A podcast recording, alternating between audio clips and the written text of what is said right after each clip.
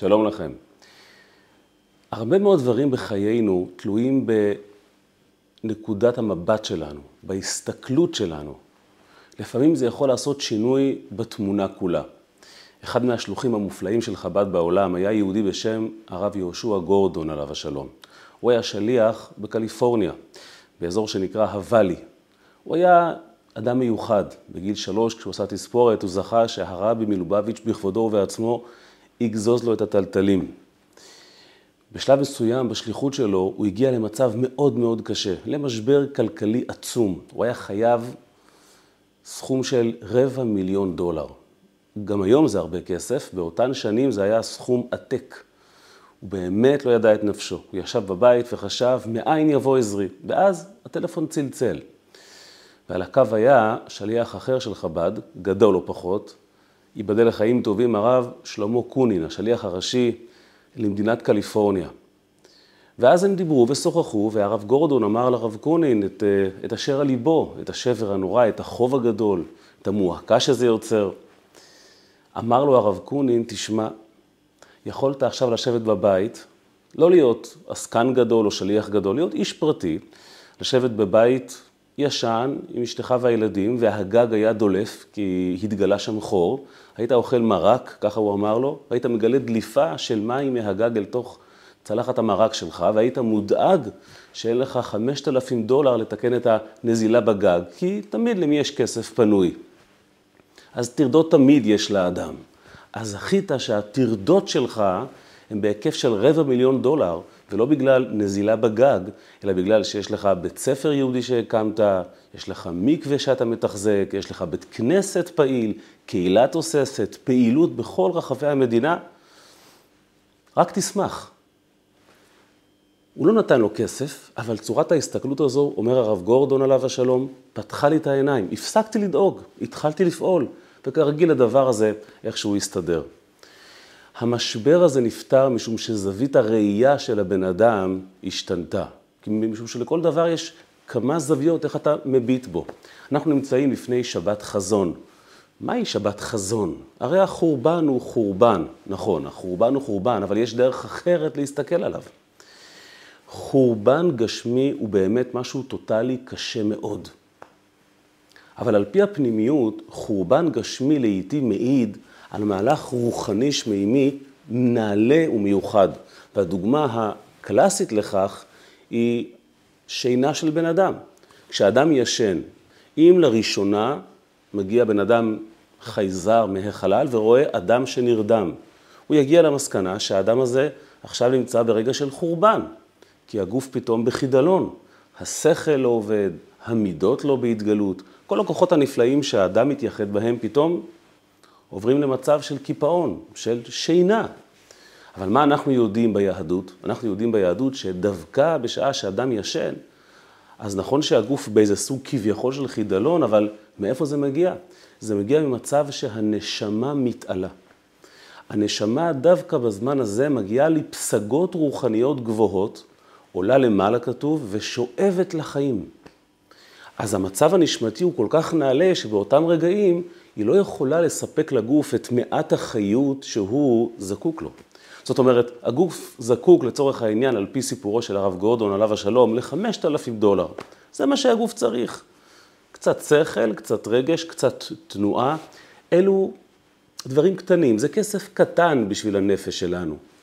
אז בלילה, כשהגוף לרגע מניח לנשמה, היא יכולה להתעסק עם עצמה, ולהתעסק עם חוב של רבע מיליון דולר. היא שואבת חיים, הנשמה עצמה שואבת חיים. זה אירוע גדול כל כך שהגוף לא יכול להכיל אותו, ולכן לרגע נדמה שהגוף נמצא בסוג של חידלון.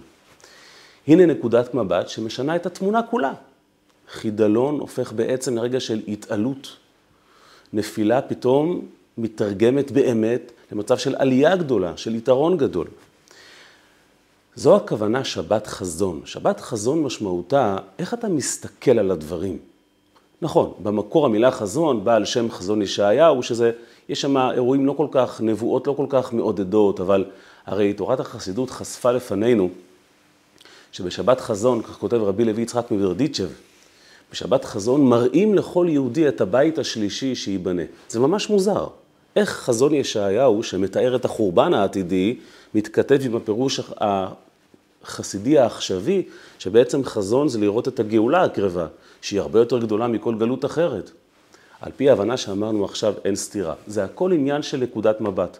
אתה צופה על אותו אירוע, אתה צופה על בית שחרב, אבל המשמעות היא לא חורבן, אלא שיפוצים למטרת בית הרבה הרבה יותר גדול. תמיד הכל תלוי בנקודת המבט. בשנת 1978 הרבי מלובביץ' חווה התקף לב נוראי. אירוע ידוע ב... בהיסטוריה החבדית. אחרי שהרבי החלים, אחרי כל התהליך המורכב, אמרו לו הרופאים שהם מבקשים ממנו להישמר לנפשו ולהיזהר, משום שתמיד ישנם 30 אחוזים שהאירוע יחזור על עצמו. אז שלא יתאמץ. הרבי חייך ואמר להם, אני נורא שמח לשמוע שישנם 70 אחוזים של סיכוי שהאירוע לא עומד לחזור על עצמו. שוב פעם, האירוע הוא, הוא אותו אירוע. איך אתה מחליט להסתכל עליו. וכמובן שהרבי לא האט את קצב העבודה שלה, שלו, אלא אפילו הגביר אותו. הכל תלוי בפוינט אוף יו, בנקודת המבט. ואם מדברים על נקודת מבט, אז באמת, דווקא בשבת חזון אנחנו קוראים בפרשת דברים את הנבואה של משה רבינו אודות הכניסה לארץ. הוא מבטיח לעם ישראל, אתם תראו, פנו וסעו לכם דרך ובואו הר האמורי ואל כל שכניו, בערבה, בהר, בשפלה, בנגב ובחוף הים, ארץ הכנעני והלבנון, עד הנהר הגדול, נהר פרת. ראה, נתתי לפניכם את הארץ. דווקא שבת שלכאורה מתארת חורבן וגלות מן הארץ, אז באה הפרשה ומתארת ומספרת לנו את הכניסה וכיבוש הארץ, ויתרה מכך, בפרשת דברים, התיאור של משה רבינו כולל התיישבות יהודים בארץ כפי שלא תהיה עד שמשיח יבוא, עד נהר פרת. זה הרי חזון גאולתי. עוד הפעם, הכל תמיד תלוי בנקודת המבט. אם רוצים קצת להעמיק, באמת, מהו חורבן בהיבט הפנימי, הקבלי, החסידי, כדי שנקבל עוד זווית של מבט אחרת על הזמן המיוחד הזה, שהוא מסוגל מאוד להביא את הגאולה, אם מסתכלים עליו בצורה נכונה.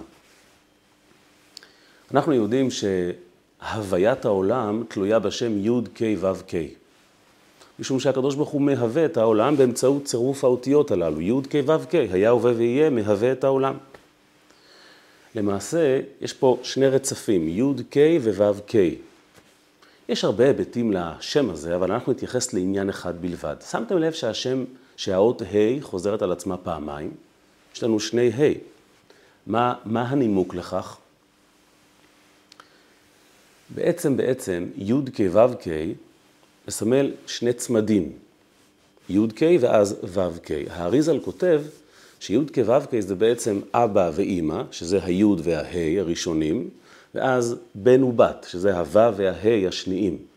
אז י' זה אבא, ה' זה אימא, ו' זה בן וה' זה בת. אגב, מכך כותב האריזל, זה המקור לציווי של התורה, שכל אדם צריך שיהיה לו בן ובת. אם הוא רוצה לצאת ידי חובה, זה משפחה, כי הנה י' כו' זה תבנית משפחתית, אבא, אימא, בן, בת.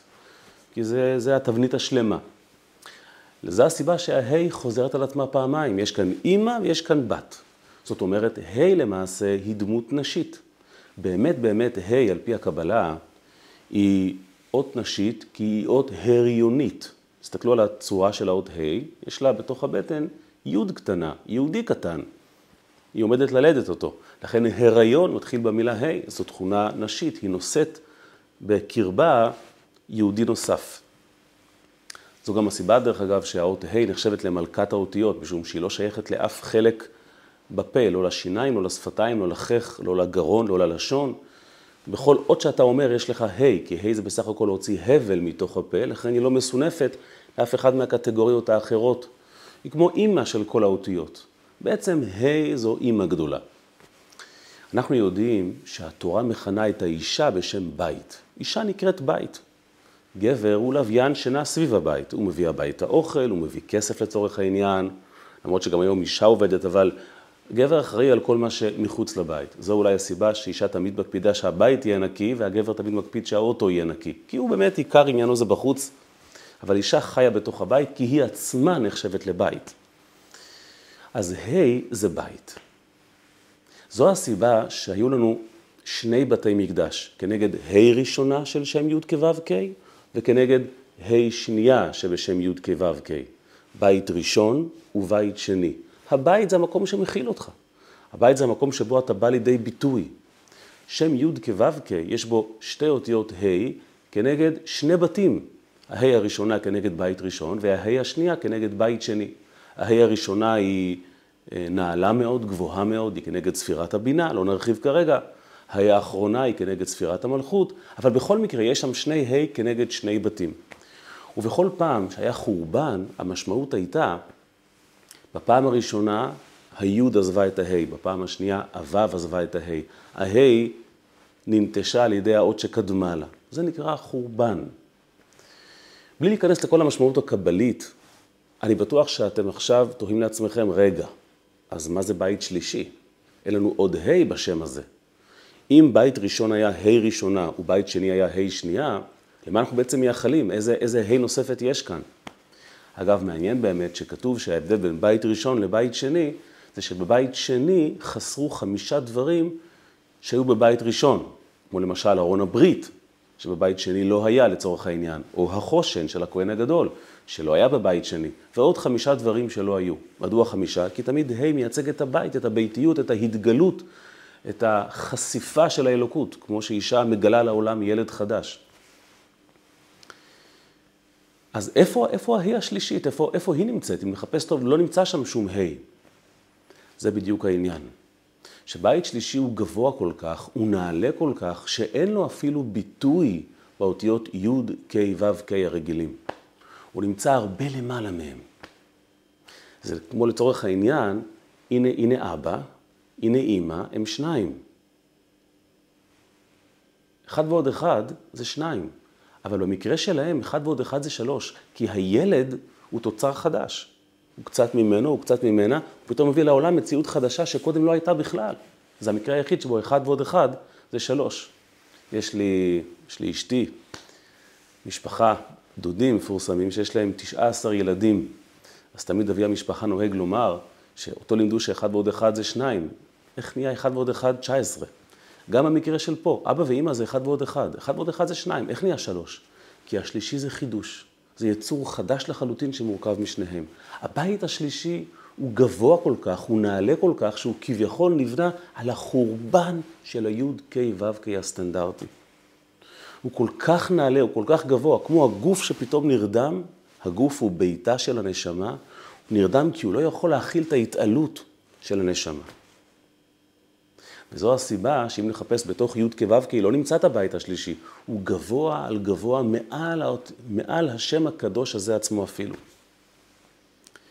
במילים אחרות, כשאנחנו הולכים לקראת זמן של תשעה באב, של חורבן, אנחנו צריכים לזכור איך אנחנו מביטים על האירוע.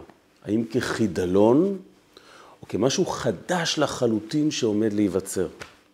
האם מדובר על הרס או על תהליך רוחני כל כך נעלה, שאפילו שם י' כו' כי לא יכול באמת לבטא אותו, שהכל זז לצד ועומד להתגלות פה דבר חדש לחלוטין. ולכן השבת שקודמת לתשעה באב נקראת בשם שבת חזון. וזו הסיבה, זו הסיבה שגם הנביא ישעיהו, כשהוא מתרה בנו, שהוא עומד להיות חורבן, אז הוא מסיים ואומר, ציון במשפט תיפדה ושביה בצדקה. משפט זה החלק התורני, משפטי התורה, וצדקה זה החלק המעשי. כתוב שמשפט זה הולך על האותיות י"ק, החלק התבוני, וצדקה הולך על החלק של ו"ק, החלק המעשי, ככה שם י"ק ו"ק מחולק. ציון במשפט תיפדה ושביה בצדקה. אנחנו הולכים לבנות מחדש את כל העסק מרמה הרבה הרבה יותר גבוהה. זה החזון האמיתי. לא חזון של חורבן, חזון של בנייה מוחלטת. ו, ולכן, כל אחד מאיתנו עכשיו, שנמצא במצב של משבר רגעי בחייו, חייב לדעת שלפעמים זה פשוט ההבנה שלך מה קורה סביבך. האם יש פה תהליך רוחני גדול, שפשוט לעולם קשה כרגע להכיל אותו, ולכן זה נראה כמו נסיגה, או חס ושלום אדם מעדיף באמת להסתכל על האירוע כחורבן חלילה. נכנס פעם יהודי לרבי מלובביץ' ואמר לו שהוא הלווה כסף לחבר, והחבר לא מחזיר לו. וזה נורא מוזר, איך, איך מעשה כזה של צדק, של יושר, גורם לו להפסד גדול כל כך. אז הרבי ענה בתשובה, תראה, משמיים כבר החליטו מזמן שעליך להפסיד סכום מסוים של כסף. אבל להפסיד כסף אפשר בכמה אופנים. אפשר להפסיד את הכסף, חס ושלום, כשהכסף ילך על תרופות ועל רופאים, ואפשר להפסיד את הכסף כשעזרת ליהודי אחר, ואז גם הרווחת מצווה על הדרך. פשוט תחליט שזו הדרך שאתה רוצה להפסיד את הכסף. ככה רבי אמר לו. זה מדהים, נקודת המבט שלך היא זו שתקבע. אם תשלים עם העובדה שזו הדרך שאתה מחליט לאבד את הכסף, אתה לא יודע מה אתה חוסך בצד השני. אז פתאום דבר שנראה לך לרגע כמו חורבן, פתאום הפך להיות בכלל מפלט. יש כאן אירוע הרבה יותר גדול מאשר נדמה לך. זו אופציה לצאת ידי חובה במשהו כזה משמעותי. אתה יכול ללכת דרך היוד כו' כהרגיל, הסטנדרטי שמהווה את העולם, אתה יכול ללכת על משהו הרבה יותר גדול, על תוצר שאפילו יוד כו' לא יכול לבטא אותו. החלטה שמימית, רוחנית, מעל ומעבר לכל גדרי ההשתלשלות והאותיות הקדושות. כן, זה נראה חורבן לרגע, אבל כשאתה רואה את זה בצורה הזו, כל הדברים משתנים. מספרים שפעם נשמעה חבטה אדירה מכיוון חדרו של הרבי הקודם מלובביץ', הרבי הריאץ, רבי יוסף יצחק, וכשנכנסו לחדר הוא היה שרוע על הרצפה, ובמצבו הרפואי זה לא היה דבר כל כך אה, פשוט, אבל הוא חייך חיוך רחב. כששאלו אותו למה, אז הוא אמר, הוא אמר, אני קמתי הבוקר עם איזו תחושה עמוקה, עמומה, שעומד לקרות משהו לא טוב. והדבר הזה הציק לי מאוד, כי חששתי שזה איזה גזרה על עם ישראל, או אירוע שלילי. עכשיו שחטף, נפלתי וחטפתי מכה חזקה, אמרתי, אוקיי, כנראה זה האירוע, ברוך השם שזה הסיפור. כל אחד מאיתנו יכול להצביע בחייו על אין ספור מאורעות של אירוע לא נעים, שבהכרה של רגע, בהסתכלות של רגע, בהבנה שאנחנו יכולים ליצוק בו תוכן חיובי, הפכנו אותו לטוב. ובכך קבענו באמת את המציאות. החזון הוא הדרך שבה אתה מחליט, ובה אתה מכריע מה באמת מתרחש ואיך הוא יתרחש. ולכן, זו הסיבה שהחידוש הגדול של תורת החסידות, ששבת חזון בעצם מייצגת את ההסתכלות שלנו, את ה-point of view שלנו, התגלתה בדורות האחרונים. כי בדורות האחרונים החושך מתגבר כל הזמן. ואז אתה אומר לעצמך, ריבונו של עולם, איפה, איפה הגאולה? זה לא אמור... ככל שהגאולה מתקרבת, לכאורה האור אמור להפתיע יותר, זה רק נראה יותר ויותר מדכא. חושך יותר כפול, יותר מכופל, יותר אתגרים. אז לפי המשוואה שאמרנו קודם, כשהחושך מתגבר יותר והאתגר נראה לך עוד יותר גדול, כשהשינה נהיית עמוקה יותר, זה אומר שהנפש חווה חוויה רוחנית גבוהה יותר, שהגוף עוד פחות יכול להכיל. אז הנה, חשקת הגלות הנוכחית שהיא עמוקה כל כך וקשה כל כך ושינה כל כך כל כך חזקה, היא גם עוזרת לנו לחשוף דברים שקודם לא ידענו. אם פעם יהודים חשבו ששבת חזון, חזון זה מדכא, זה חזון ישעיהו על החורבן, בעצם, אומרת תורת החסידות, זה חזון שבו מראים לך את הגאולה העתידה. המילים של משה רבינו המנחמות. ההבנה הזו שהבית השלישי הוא למעלה מי"ק, למעלה מו"ק, דרגה הרבה יותר גבוהה, אלו דברים שפעם לא ידעו אותם. זה נובע דווקא מהחושך. דווקא מהמצב הנורא שהעולם שרוי בו, הוא מעיד על תהליך רוחני אדיר שמתרחש מאחורי הקלעים. ואנחנו נדרשים לשים את הפוקוס עליו ולראות אותו אל מעבר למסך החושך. אז אני מאוד מקווה שכשאתם עכשיו מקשיבים לשיעור הזה, אתם לא, אתם לא באיזה משבר חלילה. והכל אצלכם טוב בחיים, אנחנו לא מבקשים משבר לאף אחד, אבל אם אתם מכירים אדם שחווה אירוע מטלטל בחייו, אז תאמרו לו, נקודת המבט שלך היא קריטית. אנחנו יודעים את זה.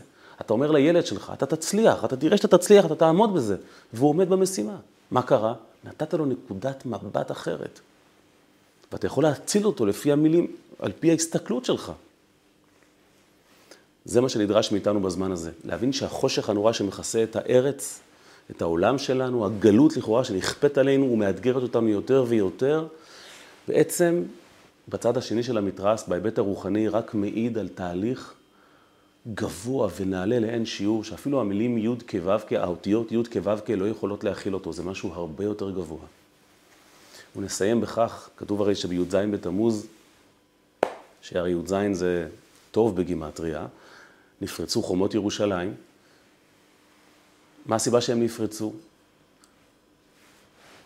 בהסתכלות שטחית, חורבן, חידלון. בהסתכלות פנימית, אומר הקדוש ברוך הוא, אתם לא צריכים חומת אבנים, אני אהיה לחומת אש. אני אחבק. עד היום שלחתי כל מיני אמצעים שייתנו לך הגנה. צבא, כלכלה, דברים כאלה שהם נחמדים, אבל הם ברי חלוף. החומה נחרבה כי מעכשיו אני עומד לחבק, ואני אהיה לחומת אש. הרומאים הם בסך הכל קבלני משנה להרוס חומה ישנה ולעשות משהו הרבה יותר גדול.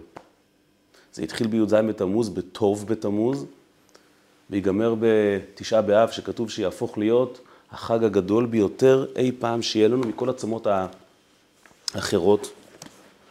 ואם כל מה שאמרתי עכשיו נשמע קצת אה, ככה טוב מדי, אז הנה כל ההבנה הזו במילים של רבי לוי יצחק מברדיצ'ב בעצמו. ממש מילים מדהימות. הכלל,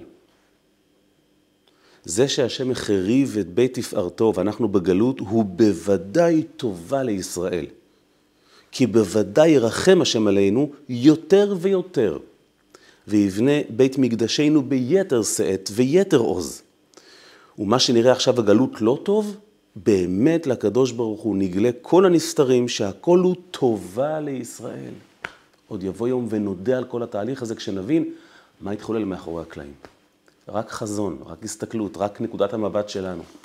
אז בואו נביט על הדברים בעין טובה, בעין חיובית, ונהפוך כל משבר להזדמנות, כל נפילה לעלייה גדולה, כל חושך לאור גדול שבוקע, ונראה את זה בגשמיות ממש, בעיניים שלנו, בעולם הגשמי הזה, עם הקדוש ברוך הוא ביחד, בבית השלישי שהוא גבוה משני הבתים הראשונים, במהרה בימינו אמן.